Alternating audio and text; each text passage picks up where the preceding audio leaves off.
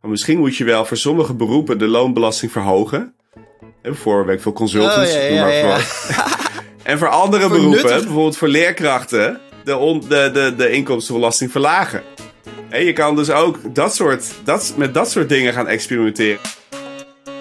Welkom bij Money Matters, een podcast over geld en impact, waarin Social Finance NL je meeneemt door het landschap van impact investeren en je bijpraat over de impact-economie. Hi en leuk dat je luistert naar Money Matters. Mijn naam is Ruben Koekoek en aan de andere kant van de lijn onderzoeksjournalist, podcastmaker en programmamaker Sander Heijnen. Hi Sander, Goedemorgen. goedemorgen. Goedemorgen. Ehm, mensen kennen jou ook wel van eh, podcast nummer 14 over eh, jouw boek Fantoomgroei. Maar ehm, je bent nu ook wekelijks te horen met je podcast eh, BV Nederland. Waar gaat die over? Ja, Podcast BV Nederland is een podcast eigenlijk over de, de politieke en maatschappelijk, maatschappelijke actualiteit in het land. Het gaat lekker. Eh, en in die podcast, de tagline ervan is: We zijn rijker dan ooit als land. Maar tegelijkertijd komen we, lijken we overal tekort te komen. Eh, en dat bespreken wij aan de hand van het nieuws. Dus dat is een hele leuke podcast voor mensen om naar te luisteren. Kijk, gaan we, Hoop ik. Gaan we zeker doen. Of ik ben een trouw fan. Ehm, en we hebben ook een Money Matters nieuwtje. Eh, we gaan voor het eerst live, 31 mei, in eh, Circle, het circulaire paviljoen op de, op de Zuidas. Gaan we het hebben over een inclusieve arbeidsmarkt met publiek erbij. Dus je kan je opgeven op www.circle.nl. Ehm, maar vandaag is de dag van de arbeid. Dus we gaan het hebben over de, ehm, de arbeidsmarkt, maar vooral eh, over het basisinkomen. Is het basisinkomen in Nederland een goed idee? Wel leuk om het op de dag van de arbeid te hebben over geld geven voor niet werken. Precies, precies. Want is, is de arbeidsmarkt nog wel de oplossing dat iedereen genoeg eh, geld heeft? Of moeten we daar andere oplossingen eh, voor zoeken? Daar gaan we het over hebben. Eh, maar voordat we doen, Sander, wat is het basisinkomen? Ja, dus het basisinkomen, er zijn wat verschillende definities van. Maar eh, over het algemeen is het idee wat mensen bedoelen als het over het basisinkomen hebben, is dat je eh, iedereen, ongeacht wat hij doet, een, een, een, ja, van een basisinkomen voorziet. Dus, en de discussie gaat dan vaak over een bedrag ter hoogte van het sociaal minimum, dus zo rond de 1000 euro per maand. Al zou je denken met de inflatie dat het misschien inmiddels de discussie over 11 of 1200 euro zou moeten gaan. En de gedachte is dat iedereen, ongeacht eh, hoe je je dagen doorbrengt, dan recht heeft op dat bedrag. En die gedachte is op zich in die zin eh, niet heel vreemd. Want in Nederland hebben we een basisinkomen voor mensen van 67 jaar en ouder, namelijk de AOW. Die krijg je ook ongeacht hoeveel pensioen je hebt, ongeacht hoeveel vermogen je hebt. En eh, ja, op basis daarvan, hè, de, de, de voorstanders van het basisinkomen die, die zeggen van... eh, als je iedereen dat geeft, daarmee bestrijd je armoede vrij effectief. En je geeft mensen ook meer ruimte om zichzelf te ontplooien. Eh, vrijwilligerswerk wordt daarmee eigenlijk automatisch beloond. Eh, dus, dus dat heeft allerlei eh, voordelen. Ja, dus eigenlijk is het gewoon een eh, geld, zo rond het, eh, het, het minimum, eh, onvoorwaardelijk eh, voor iedereen of Ja. elke volwassene. Ja, Ehm, en je hoeft er. Je hoeft, niks, je hoeft- niets te laten zien. Geen toets of geen, eh, geen regeltjes. eh, no strings attached. precies. En je zou ook nog kunnen zeggen, we hebben nu bijvoorbeeld als je geen werk hebt een bijstandsregeling.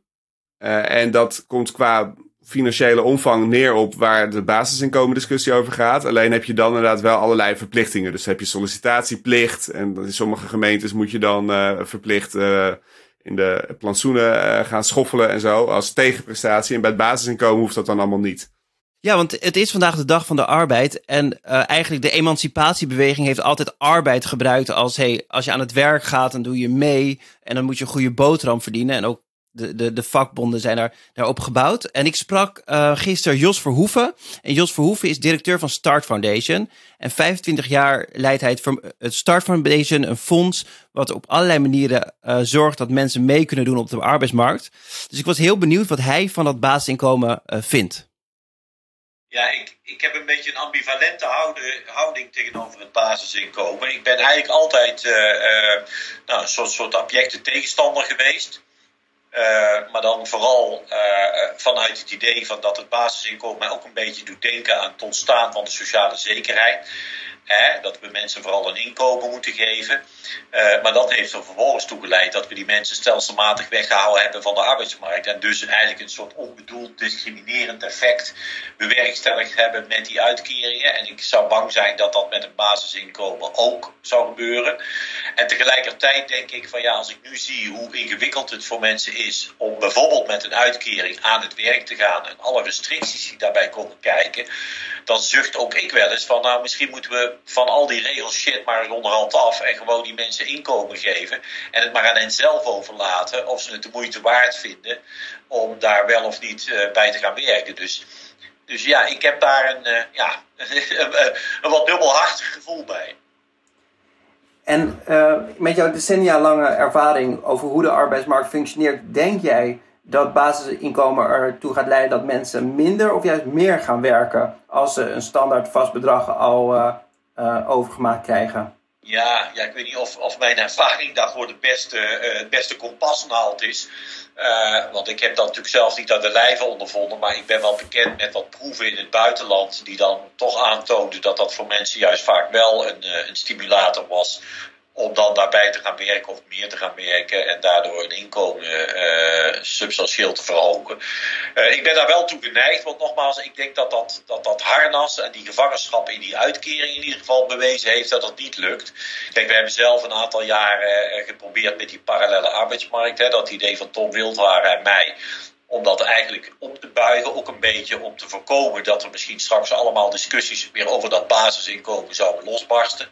Maar dat is allemaal eigenlijk ongelooflijk vastgelopen in die dikke modderklei die we hier in Nederland in dat systeem hebben zitten. Want uh, men durft het gewoon niet aan om dat uitkeringsdeel als een soort looncomponent in te zetten.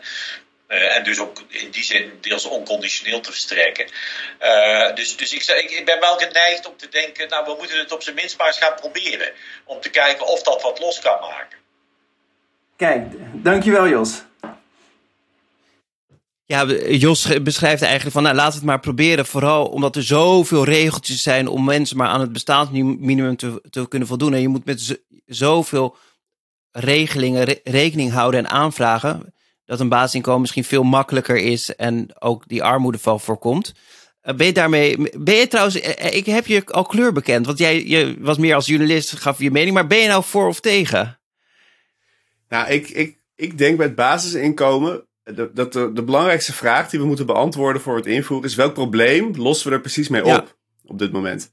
Dus als je een samenleving hebt waar je structureel 20% werkloosheid hebt, dan is het heel logisch om een basisinkomen te realiseren. Zodat in ieder geval iedereen uh, in, zijn, in zijn levensonderhoud kan voorzien van daaruit. Maar dat hebben we niet. Maar in Nederland hebben we dat, dat hebben we niet. Nee, dus, dus eigenlijk is iedereen aan het werk. Alleen zien we dat werken voor heel veel mensen gewoon niet voldoende loont om ook te kunnen bestaan. He, dus eigenlijk is het probleem van Nederland dat de inkomens te laag zijn. Nou, dat proberen we al deels te repareren met een enorm toeslagencircus. Nou, we kennen inmiddels allemaal de nadelen van toeslagen. Die zijn ook niet onvoorwaardelijk overigens. Hè. Er zitten uh, hele strikte inkomens uh, en andere eisen zitten eraan.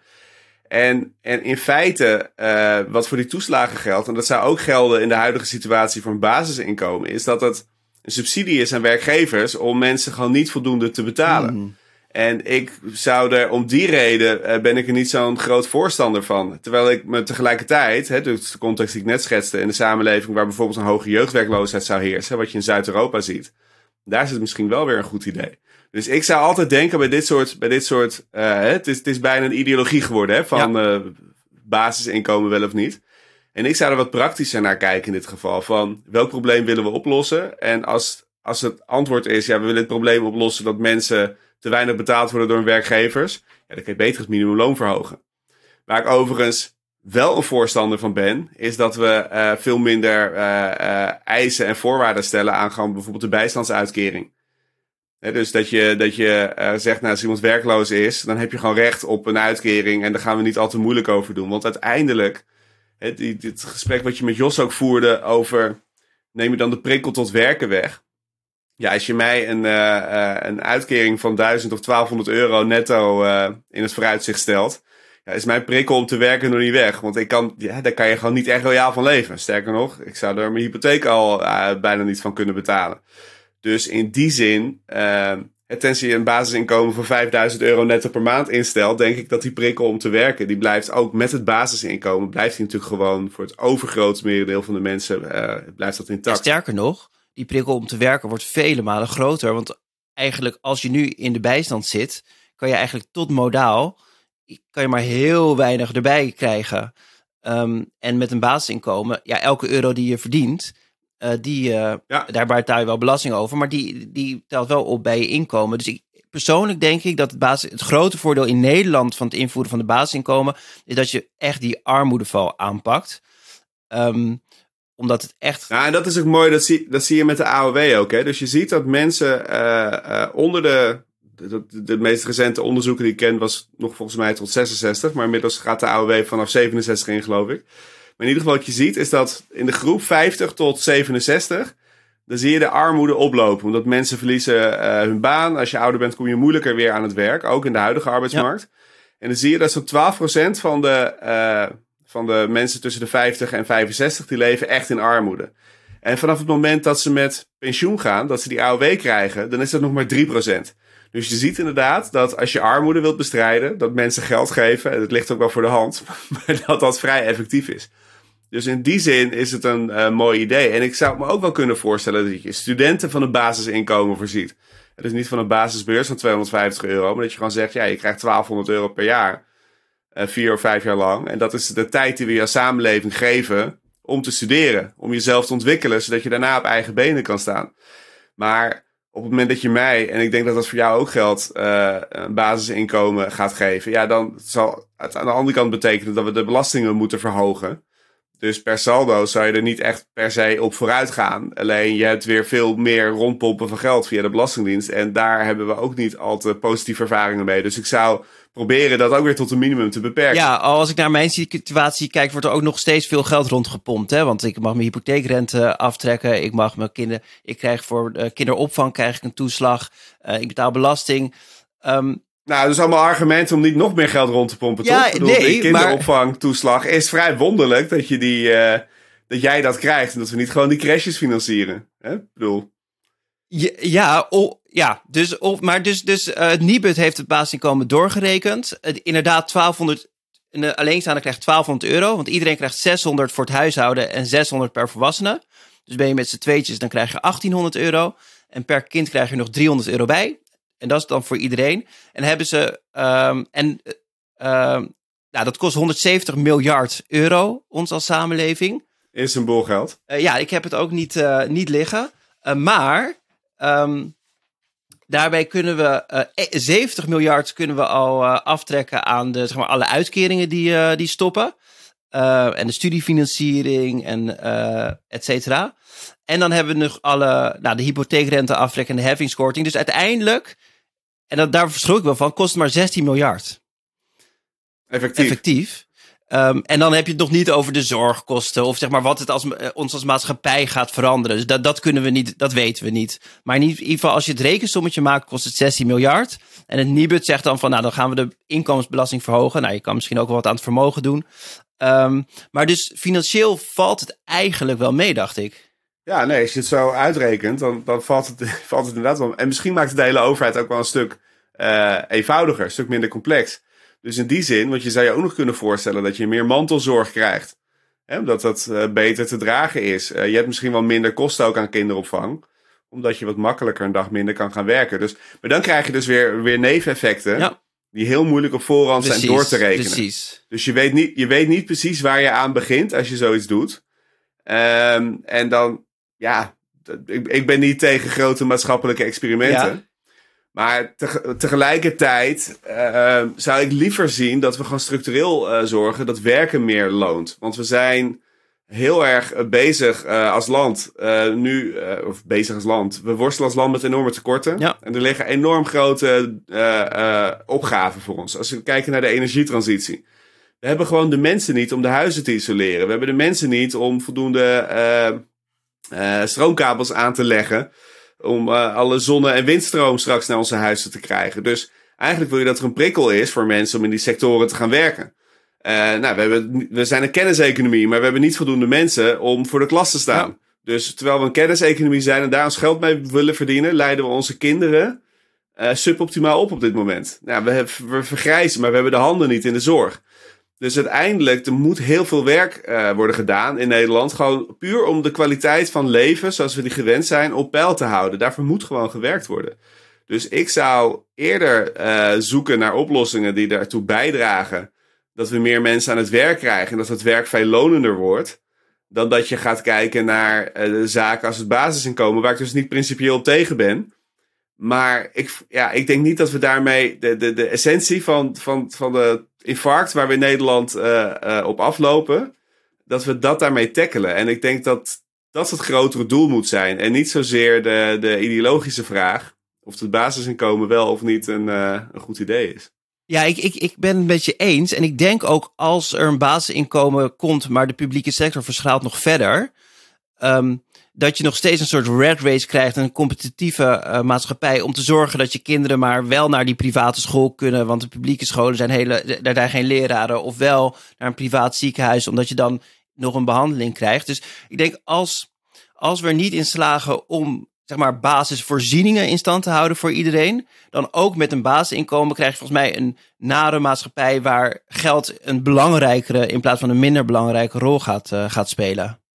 Ja, en er zit er nog een ander uh, vrij fundamenteel risico aan vast. Is dat je de inflatie verder aanjaagt. Want eigenlijk moeten we nu wat geld uit de economie trekken. Uh, want we hebben nu meer vraag dan aanbod. Ja. Er is meer geld te besteden dan dat we dingen kunnen kopen. Ja. Uh, en als je mensen nog meer geld geeft op dit moment.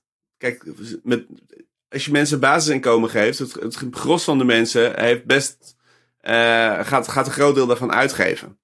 En we zien nu al de horeca dat ze eigenlijk niet het personeel hebben ook om iedereen te bedienen, bijvoorbeeld. Hè. We zien uh, met de inkoop van allerlei goederen.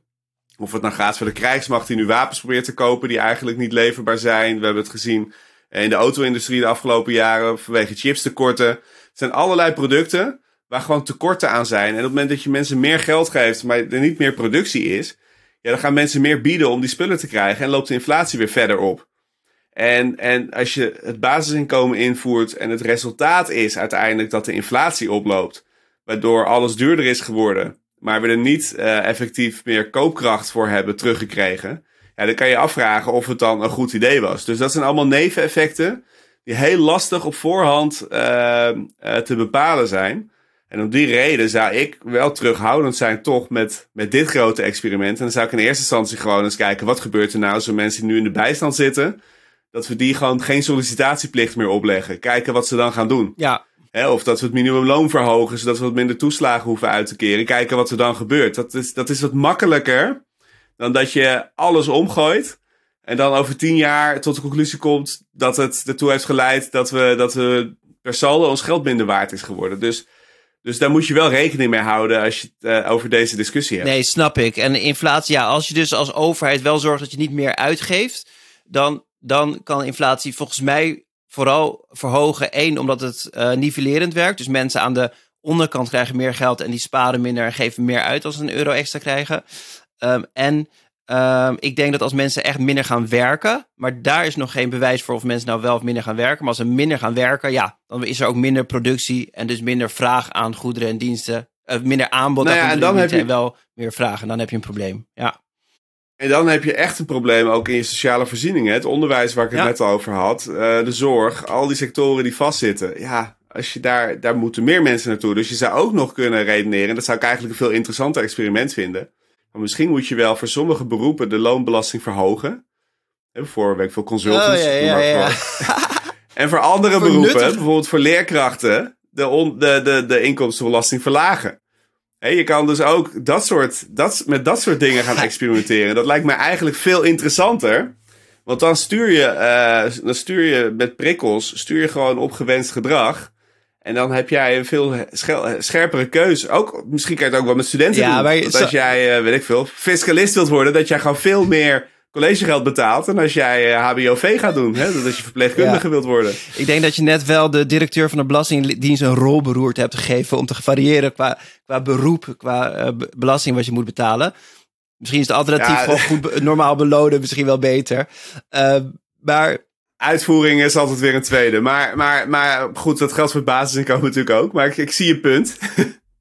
In het buitenland is heel weinig geëxperimenteerd met buiten basisinkomen. Een aantal in Amerika, dat bijvoorbeeld uh, in Alaska, de olieopbrengsten worden door iedereen verdeeld. Um, in, uh, er is ook in North Carolina een stam die elke maand geld krijgt van de winst van een casino, wat in die staat is ge, gericht, maar allemaal niet op het bestaansminimum. Um, in het buitenland wordt wel heel veel ge, experimenteert met unconditional cash transfers. Dan krijgen mensen gewoon geld. En dan hebben ze bijvoorbeeld twee jaar om met dat geld ze hun leven weer op orde te krijgen. en dan mogen ze helemaal zelf ehm, bepalen hoe ze dat doen. Meestal via vrouwen. Ik, ga, ik sprak Gitte Buug. En Gitte is onder andere co-founder van 100 Weeks. En zij heeft daar ervaring mee. Ik was heel benieuwd wat dat in het buitenland met mensen doet. Hi Gitte, wat is jouw ervaring met basisinkomen in Afrika? Eh, in 2015 heb ik 100 eh, Weeks opgericht. En via 100 Weeks krijgen vrouwen in extreme armoede in Afrika 100 weken lang elke maandagochtend 8 euro overgemaakt op een telefoon. En wat zo bijzonder is, is dat zij zelf beslissen hoe ze het besteden. En dat is natuurlijk echt een nieuwe manier van denken. En we hebben gezien, en de resultaten waren echt verbluffend, eh, al zeg ik het zelf, is dat je ziet dat omdat ze zelf beslissen hoe ze het besteden, dat ze hun zelfvertrouwen terugkrijgen, de regie op hun leven, ze worden gezond en ze maken betere beslissingen, gaan investeren. Uh, en uh, beginnen allerlei verschillende soorten bedrijfjes, waardoor hun inkomen ook verdubbelt of uh, verdrievoudigt. En wat ik zo mooi vind, is dat omdat zij zelf besluiten hoe ze het besteden, de impact ook blijvend is. En dat is natuurlijk een ontwikkelingsland. Um, denk je dat dat ook lessen meegeeft voor of we basisinkomen in Nederland of we daarmee kunnen experimenteren? Ja, dat denk ik zeker.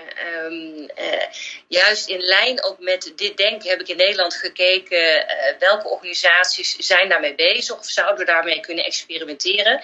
Want juist de gedachte, de beste investering is in mensen.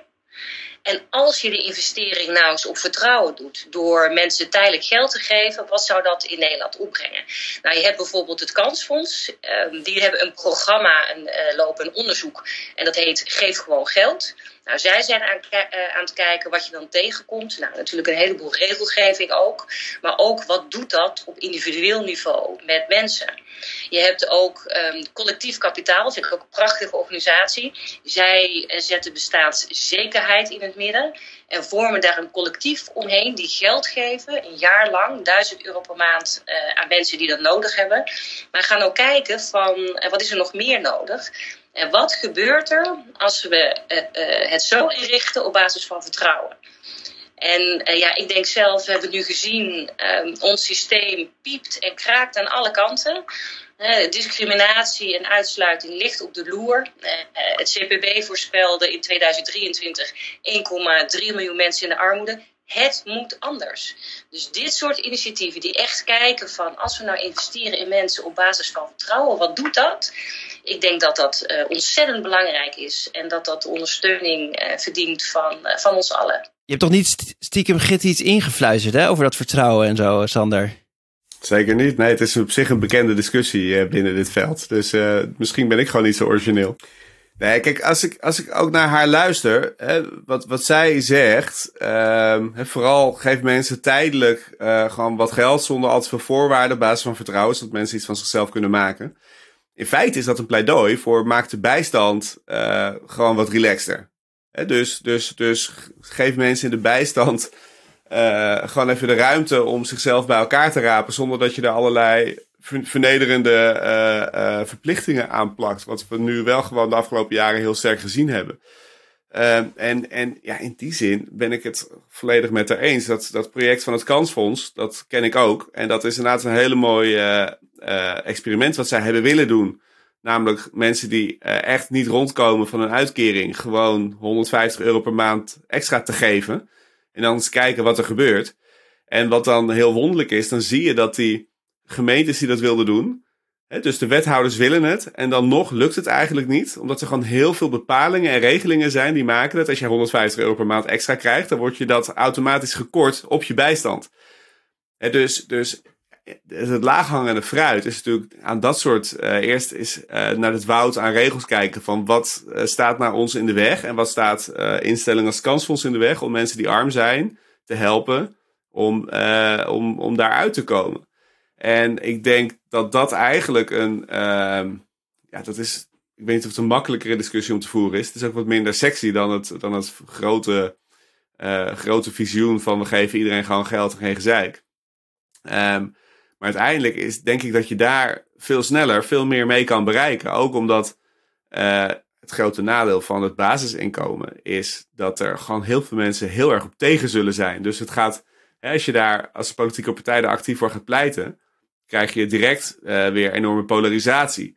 Terwijl we hebben vorig jaar twee jaar terug het voorbeeld gehad van een mevrouw die werd gekort op de bijstand omdat ze uh, boodschappen kreeg van haar moeder. Ja, iedereen vindt dat onredelijk. Ook de mensen die vinden dat, uh, dat de bijstand niet te royaal moet zijn, vinden het toch onredelijk dat als jij van je moeder wat boodschapjes krijgt, dat je dan wordt aangemerkt als fraudeur. Dus in die zin denk ik dat dit ook gewoon politiek haalbaarder is en je hetzelfde probleem ermee oplost. Duidelijke, duidelijke conclusie.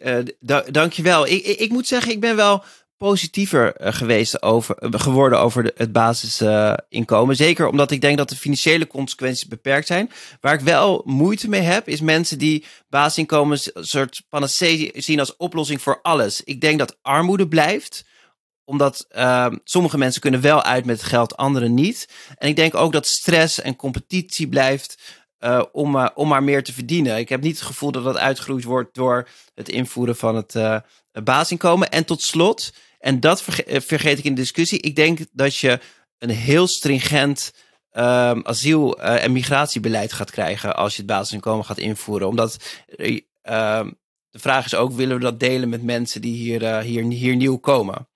Um, ja, te tegelijkertijd, volgens mij voeren we al een vrij stringent asiel- en migratiebeleid. ja. maar, maar wat, wat wel ook een fair punt is, is uiteindelijk bijvoorbeeld een van de grote problemen die mensen nu hebben, is dat er geen woningen zijn. Ja. Hè? En dat geldt niet alleen voor uh, nieuwkomers, dat geldt ook voor mensen die hier gewoon geboren en getogen zijn. En ja, ik, ik, vraag me af, als je nu dus alle 16 miljard gaat uittrekken om basisinkomen te realiseren, misschien kan je voor die 16 miljard beter gewoon woningen bouwen, zodat mensen een dak boven hun hoofd hebben en de huizenprijzen misschien wat dalen, waardoor je uiteindelijk ook uh, minder armoede krijgt, omdat mensen makkelijker in hun woonlasten kunnen voorzien. Dus dus, dus ik, ik deel jouw conclusie dat, uh, dat het basisinkomen geen panacee voor alles is. Ik vind het wel grappig dat je op basis van dit gesprek, want ik heb eigenlijk steeds gepleit om het niet te doen, dat je toch positiever bent geworden over het basisinkomen. Ja, misschien heel tegendraad. Mag ik anders een voorstel doen? Want er gaat nu 22 miljard naar Groningen. Een deel om de huizen te repareren, maar ook een deel om te investeren in Groningen. Zouden we Groningen ja. niet als experiment kunnen gebruiken voor het basisinkomen? Ik denk dat ze daar in Groningen best enthousiast over zullen zijn, over dit voorstel. Ja, het lijkt mij heel gek, want uh, uiteindelijk, en ik vind het ook misschien, misschien een zijlijntje hoor, maar dat we dus nu zoveel geld uh, in Groningen gaan investeren. Kijk, er zijn nog een aantal andere provincies waar we ook substantieel heel weinig in geïnvesteerd hebben de afgelopen jaren. Dus die aardbevingsschade, die moet je absoluut, dat moet je herstellen. Meer dan terecht. Maar het lijkt mij logischer om gewoon een wat groter plan te maken. Van wat hebben alle achtergestelde regio's aan publieke investeringen nodig. En dat we dat geld dan eerlijk gaan verdelen. Want nu, omdat we die ereschuld aan Groningen hebben, die we hebben, we moeten die schade daar heel netjes afhandelen. Maar het lijkt me toch een beetje pijnlijk als je in Heerlen zit, waar eigenlijk dezelfde achterstallige investeringen uh, gelden. Ja. Dat je dan ziet, ja, in Groningen krijgen ze dat nu wel. En wij hebben dat toen niet gekregen toen de mijnen hier dichtgingen. Weet je, dus dat blijft, dat blijft toch wel een beetje ongemakkelijk ook, vind ik, om die reden. Ze hebben wel het hoofdkantoor van het Centraal Bureau van Statistiek gekregen, hè? Dus Heerlen. Ja, nou ja, oké. Okay. maar volgens mij zit dat nu, volgens mij zit dat nu weer in uh, Den Haag, klopt, toch? Klopt, dat is weer verhuisd. Nou, dankjewel uh, Sander. Dank voor deze heldere conclusie. conclusie. We sluiten altijd af met de uitsmijter. Wat moeten we vooral niet meer doen? Wat smijt Money Matters het liefst vandaag nog het raam uit? We zouden vandaag nog moeten stoppen met voorwaarden stellen aan de bijstand. Dus laten we nou gewoon eerst eens die bijstand onvoorwaardelijk maken voor mensen die werkloos zijn. En van daaruit uh, kijken wat, er, wat dat doet met mensen. En dan kunnen we, als dat niet voldoende oplevert, altijd nog eens een keer een gesprek voeren over het basisinkomen. Kijk, daarmee uh, sluit ik de aflevering af. Uh, dankjewel, um, Sander, uh, voor dit mooie gesprek. Um, Graag gedaan. Ook, uh, ook dank aan uh, Daniel van der Poppen van Spraakmaker Media. Redactie Daphne Splegger, Sam Wansing en Egidio Bundel. En uh, gemaakt door partners Circle, Vriendenloterij en het Oranje Fonds. Wil je niks missen? Abonneer je dan via je favoriete podcast app of kijk op onze website. Tot de volgende keer.